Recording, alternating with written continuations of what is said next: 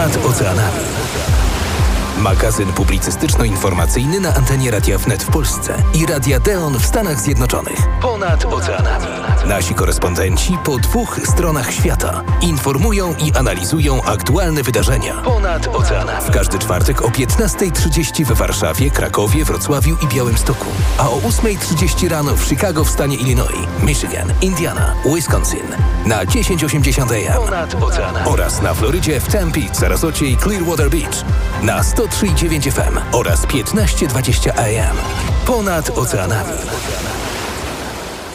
Dzień dobry Państwu. Jak zawsze punktualnie o godzinie 15.30 w każdy czwartek rozpoczynamy audycję Ponad Oceanami. Z tej strony oceanu Jaśmina Nowak, realizuje Daniel Chybowski, wydaje Karolina Jermak. Dużo ciekawych tematów przed nami, ale jak zawsze rozpoczynamy od mm, przywitania i wędrujemy na drugą stronę oceanu, bo tam czeka już Sławomir Budzik z Radia Deon.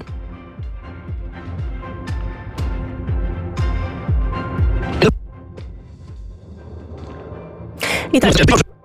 Problem. I tak, drodzy Państwo, zdarzy, zdarzają się problemy techniczne, no bo przecież to nie są bliskie odległości, to cały e, ocean i nie tylko. W takim razie, skoro teraz nie możemy usłyszeć się ze Sławomirem Budzikiem, to mamy nadzieję, że usłyszymy się z Kazimierzem Gajowym, gospodarzem studia Bejrut. Ponad oceanami. Bejrut. Kazimierz Gajowy. No tak, słyszymy się bardzo dobrze i mamy bardzo dużo ciekawych informacji dotyczących tego kawałka świata. Mianowicie jeden z urzędników Białego Domu powiedział w środę dla telewizji Al Arabiya, że znalezienie rozwiązania sporu o granicę morską między Libanem a Izraelem jest najwyższym priorytetem dla administracji Bidena. Dodając, jesteśmy głęboko przekonani, że umowa da potencjał dla trwałej stabilności i dobrobytu gospodarczego Libanu, jak i również Izraela. No, będąc teoretycznie w stanie wojny od 1948 roku, Liban i Izrael ciągle kłócą się o około 860 kilometrów kwadratowych Morza Śródziemnego. Uwaga, gdzie drzemią podmorskie rezerwy gazu. Podczas rozmowy z premierem Izraela w ostatnią środę Joe Biden osobiście poruszył tę kwestię, podkreślając, jak bardzo mu zależy na zakończeniu negocjacji w sprawie granicy morskiej między Izraelem a Libanem, sugerując, że powinno to nastąpić w nadchodzących e, tygodniach. Jednak wspierana przez Iran grupa bojowników Hezbollahu zagroziła wojną przeciwko Izraelowi, jeśli nie zostaną spełnione żądania Libanu, a Izrael rozpocznie wydobycie gazu e, ze spornego terytorium. No, w tym kontekście decyzja strony izraelskiej o przesunięciu daty rozpoczęcia wydobycia gazu z 30 września na 31 października wydaje się być e, potwierdzeniem zapowiedzianej przez Bidena możliwości zakończenia sporu w nadchodzących e, tygodniach, a jednocześnie pozbawia Hezbollahu pretekstu do dokonania jakiegokolwiek ataku w stronę Izraela, co wydaje się dobrze wróży Libanowi. Y, w tym tygodniu izraelska prasa sugerowała, że Holstein, wyznaczony przez Bidena do roli negocjatora, przekaże propozycję Bejrutowi, według której Liban mógłby zająć tak zwane pole gazowe Kana, podczas gdy Izrael zachowałby swoje prawa do eksploracji pola gazowego Karisz. W tej sytuacji Libańscy urzędnicy czekają na powrót Hochsteina do Bejrutu, a my będziemy punktualnie informować o dalszym rozwoju sytuacji. Dla magazynu Ponad Oceanami Kazimierz Gajowy, Studio Bejrut. Jak zawsze bardzo serdecznie dziękujemy za ciekawy komentarz bliskowschodni. Teraz, drodzy Państwo, na moment e, spojrzymy na informacje, które płyną do nas e, za naszej e, wschodniej, za naszej wschodniej granicy.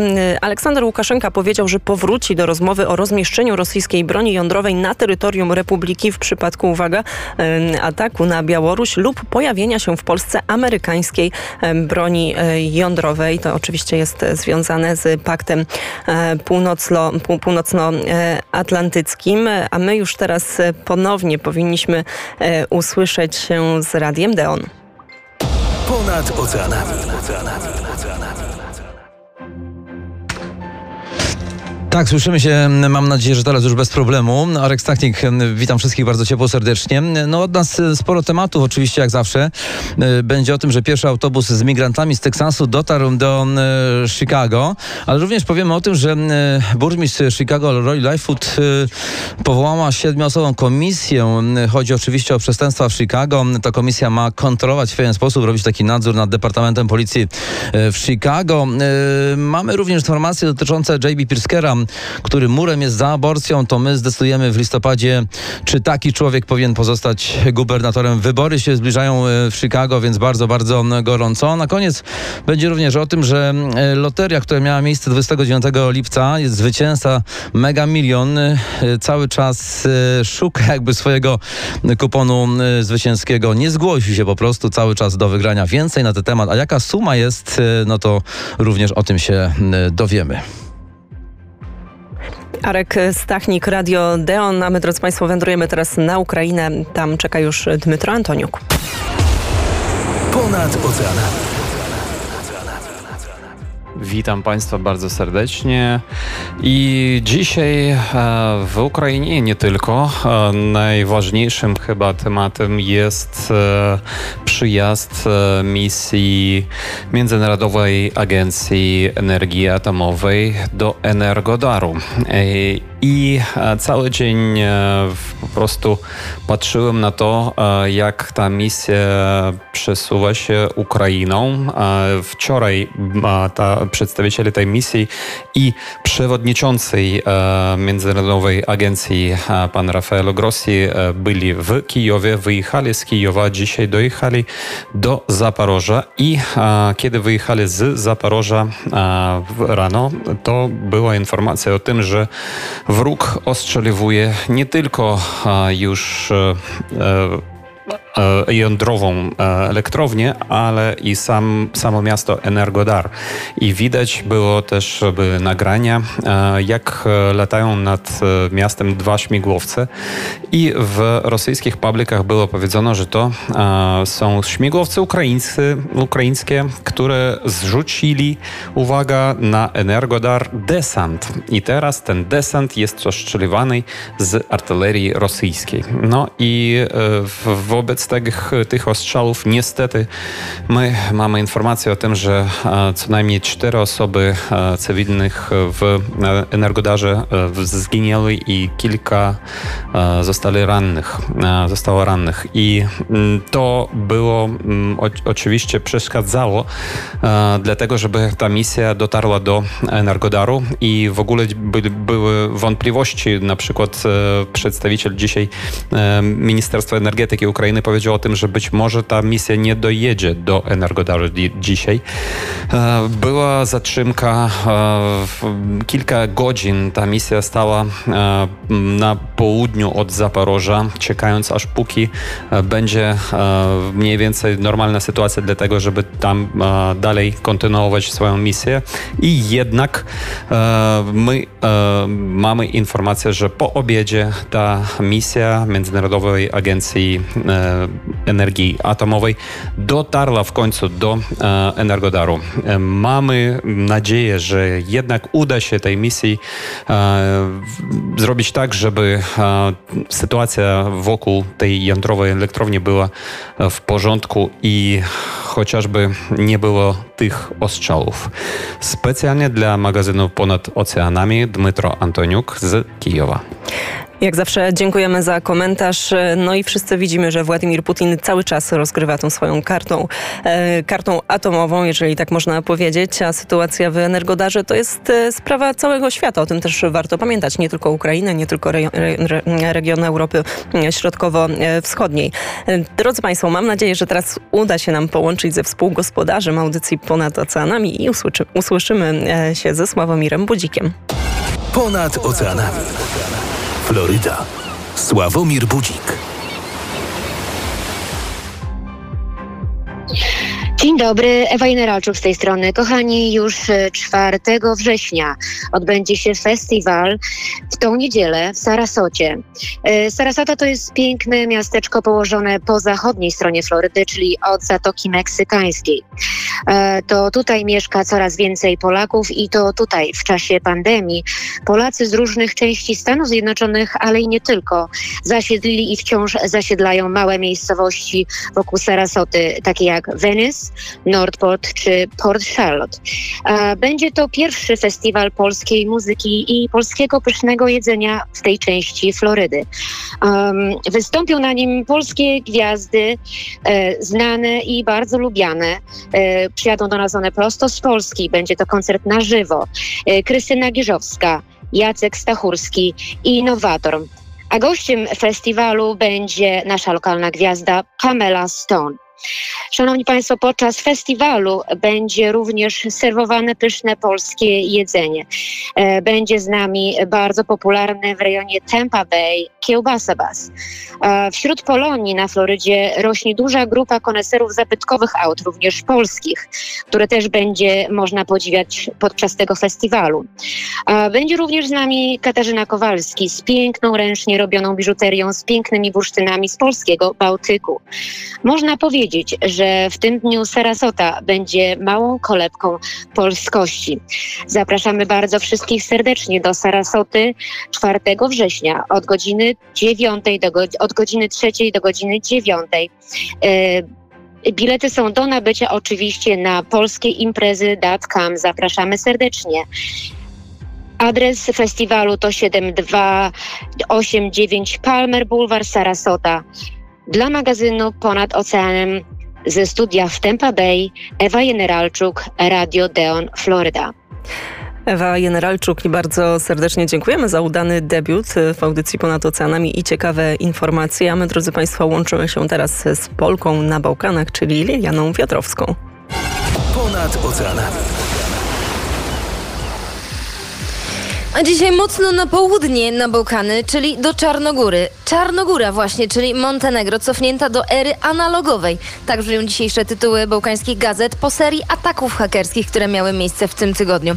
Infrastruktura cyfrowa dużej części administracji publicznej Czarnogóry jest niedostępna już od 22 sierpnia po ataku, który według źródeł bezpieczeństwa może być wewnętrzną robotą kogoś podłączonego bezpośrednio do serwera rządowego. To jedna z hipotez, ale jest ich więcej więcej. Źródła podają, że serwery zostały zainfekowane rodzajem złośliwego oprogramowania, w którym atakujący blokuje i szyfruje dane, a następnie żąda zapłaty za odblokowanie i odszyfrowanie tych danych. Atak stał się gorącym tematem e, w hakerskich grupach czatowych e, na, w internecie i na dark webie, a niektórzy porównują go do ataków na brytyjską służbę zdrowia z początku sierpnia. Po początkowym wskazaniu palcem na Rosję jako prowadzenie wojny hybrydowej, e, po władze Czarnogóry obwiniają też grupy przestępcze. W śledztwie bierze udział NATO i FBI. Ataki łącznie mogą kosztować Czarnogóry aż od 100 tysięcy do nawet 2,5 miliona dolarów. Dla magazynu Ponad Oceanami Liliana Wiadrowska, Polka na Wokanach. Bardzo dziękujemy i drodzy Państwo, błyskawicznie łączymy się teraz z ojcem Pawłem Kosińskim z Radia Deon. Ponad Oceanami. Witam, witam bardzo serdecznie. Sąd Najwyższy stanu Indiana orzekł y, wczoraj, w środę, y, że podtrzymuje zwolnienie nauczyciela szkoły katolickiej, który zawarł małżeństwo z osobą tej samej płci. To była kontrowersja, która od paru lat y, właśnie w stanie Indiana była prowadzona, dlatego że w atmosferze dzisiejszej, można powiedzieć, tego typu działania szkół katolickich y, spotykają się z dosyć dużym oporem i z dosyć dużą krytyką.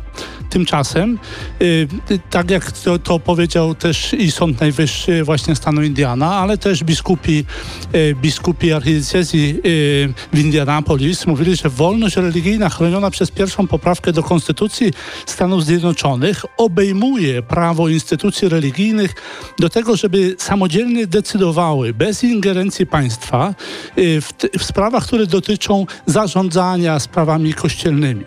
I tak zostało to sformułowane, że jest to zasada autonomii Kościoła. Ma ona swoje zastosowanie, jest, jest też właśnie rzeczą, która chroni kościoły od tego, żeby państwo nie ingerowało właśnie w, te, w to, co można by powiedzieć jest sprawą religijną. Tutaj ktoś by mógł powiedzieć, że no, kwestia nauczyciela w szkole to nie jest sprawa tylko y, religijna, ale z drugiej strony, jeśli to ma być szkoła katolicka, a tam była kwestia właśnie taka, że to była szkoła katolicka, to w takim układzie wymaga się, żeby nauczyciele, którzy tam są, żeby w pewien sposób dawali przykład także tego, żeby nie byli w, kont y, w kontrze do, do tego, co na, naucza dany kościół, dana wspólnota religijna.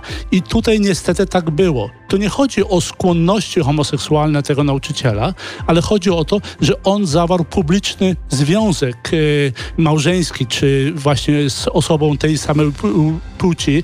To jest dozwolone w, w stanie Indiana, no ale niestety dla Kościoła jest to kwestia wiarygodności, jest to kwestia także pewnej tożsamości, y, która powinna być w szkole i przekaz, który stamtąd powinien płynąć, powinien być jasny i spójny z tym, co y, Kościół naucza. Sąd Najwyższy stanu Indiana z tym się zgodził i podtrzymał prawo Kościoła do zwolnienia takiego nauczyciela y, właśnie ze szkoły katolickiej.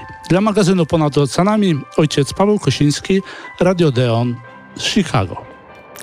Ojciec Paweł Kosiński, bardzo dziękujemy za relację. A my, drodzy Państwo, błyskawicznie przenosimy się teraz do Londynu. Tam czeka już Iza Smolarek i Aleks Sławiński. Ponad oceanami. Chicago. Iza Lech. No tak, e, my w tym momencie przenosimy się e, bardzo szybko właśnie do Londynu, ponieważ tutaj dzieje się naprawdę wiele. Witamy serdecznie wszystkich słuchaczy po obu stronach oceanów. U nas faktycznie e, wiele się dzieje i Boris Johnson, mój ulubiony Boris Johnson, który odchodzi z przytupem. Ustępujący ze stanowiska premiera Wielkiej Brytanii, mój ukochany Bojo, wziął właśnie udział w nalocie policji na mieszkanie w południowym Londynie. E, okazało się, że kilka dni temu raper e, podejrzany o handel narkotykami otworzył drzwi i zobaczył właśnie Johnsona, e, który w ten sposób zrobił wielkie show. Nie wiadomo, co czeka rapera, czy faktycznie znaleziono u niego narkotyki, natomiast Boris Johnson daje sobie znać i daje się poznać z tej strony, z której był znany już kiedyś jako mer Londynu, jako osoba taka bardziej luzacka, nie zajmująca E, wysokiego stanowiska, e, która pozwalała sobie właśnie na tego typu akcje. Tak, ale nie zapominajmy, że właśnie podczas e, tych dwóch kadencji, w których Boris Johnson był merem Londynu, przestępczość bardzo szybko spadała. Teraz drastycznie rośnie. Więc kto wie, czy na ostatniej prostej Boris Johnson nie chce pokazać swoim kontrkandydatom, być może z Partii Pracy, które już teraz bardzo mocno krzyczy o przedwczesnych wyborach, które E, oficjalnie miałyby się odbyć za dwa lata, ale już teraz e, Partia Pracy chciałaby wyborów, ponieważ czuje, że dzieje się bardzo źle w Wielkiej Brytanii. E, może chce pokazać właśnie, że słuchajcie, tam gdzie są lejberzyści, tam przestępczość rośnie, tam gdzie my jesteśmy my, czyli konserwatyści, tam my walczymy z tą przestępczością i udaje nam się ją zwalczyć, ale e, pojedźmy sobie daleko do Liverpool, czyli miejsca, z którego pochodzą Beatlesi. Okazuje się, że e, dom, w którym urodził się i wychował, e, w każdym razie przede wszystkim spędził kilka e, lat swojego dzieciństwa John Lennon, e, założyciel grupy The Beatles, jest na sprzedaż. Wyobraźcie sobie za śmieszne pieniądze, ćwierć miliona funtów. Za te pieniądze w Londynie nie kupi się nawet kawalerki. Możecie kupić sobie Free Bed House, czyli duży dom z trzema pokojami. Ale jeżeli mówimy o największych ludziach w tym kraju, no okazuje się, że chyba znowu będziemy korespondować z rodziną królewską. No tak właśnie, w tym kraju albo właśnie ponad oceanami mamy wiele do powiedzenia. E, to oznajmiła Meghan Markle, e, która ma zamiar uderzyć e, w rodzinę królewską. My też mamy wiele do powiedzenia. Czytajcie nas na portalu wnet.fm. Serdecznie zapraszamy dla magazynu Ponad Oceanami Iza Smolarek i Aleks Sławiński. Dziękujemy bardzo. I my także dziękujemy i trochę pospieszyliśmy się z wywołaniem Izy Lech, którą mam nadzieję, że usłyszymy już dosłownie za momencik. Ponad oceanami. Chicago. Iza Lech. Witam serdecznie słuchaczy magazynu Ponad Oceanami we wrześniowej już popołudnie. I chociaż w Chicago dopiero ranek, to polskie dzieci wróciły już pewnie do domów po pierwszym dniu szkoły. Mam nadzieję, że był niezwykle udany zarówno dla uczniów, jak i dla rodziców. My w Chicago też już w szkole i wszyscy uczymy się i poznajemy postawy kandydatów w zbliżających się listopadowych wyborach. Gubernator J.B. Prisker zapowiedział we wtorek, że politycy przeciwni opcji pro-choice przegrają z Kretesem w listopadzie. Na swojej konferencji prasowej stał otoczony przywódcami Planned Parenthood, którzy wciąż czekają na poprawki legislacyjne i fundusze, aby świadczyć swoje usługi pacjentkom przybywającym do Illinois w celu dokonania aborcji. Ta konferencja prasowa miała na celu jasno pokazać, że demokratyczny gubernator rzeczywiście jest kandydatem dla wyborców z Illinois, którzy popierają prawo do aborcji. Demokraci w całym kraju wykorzystują impet odrzucenia przez Sąd Najwyższy Stanów Zjednoczonych sprawy Roe vs. Wade.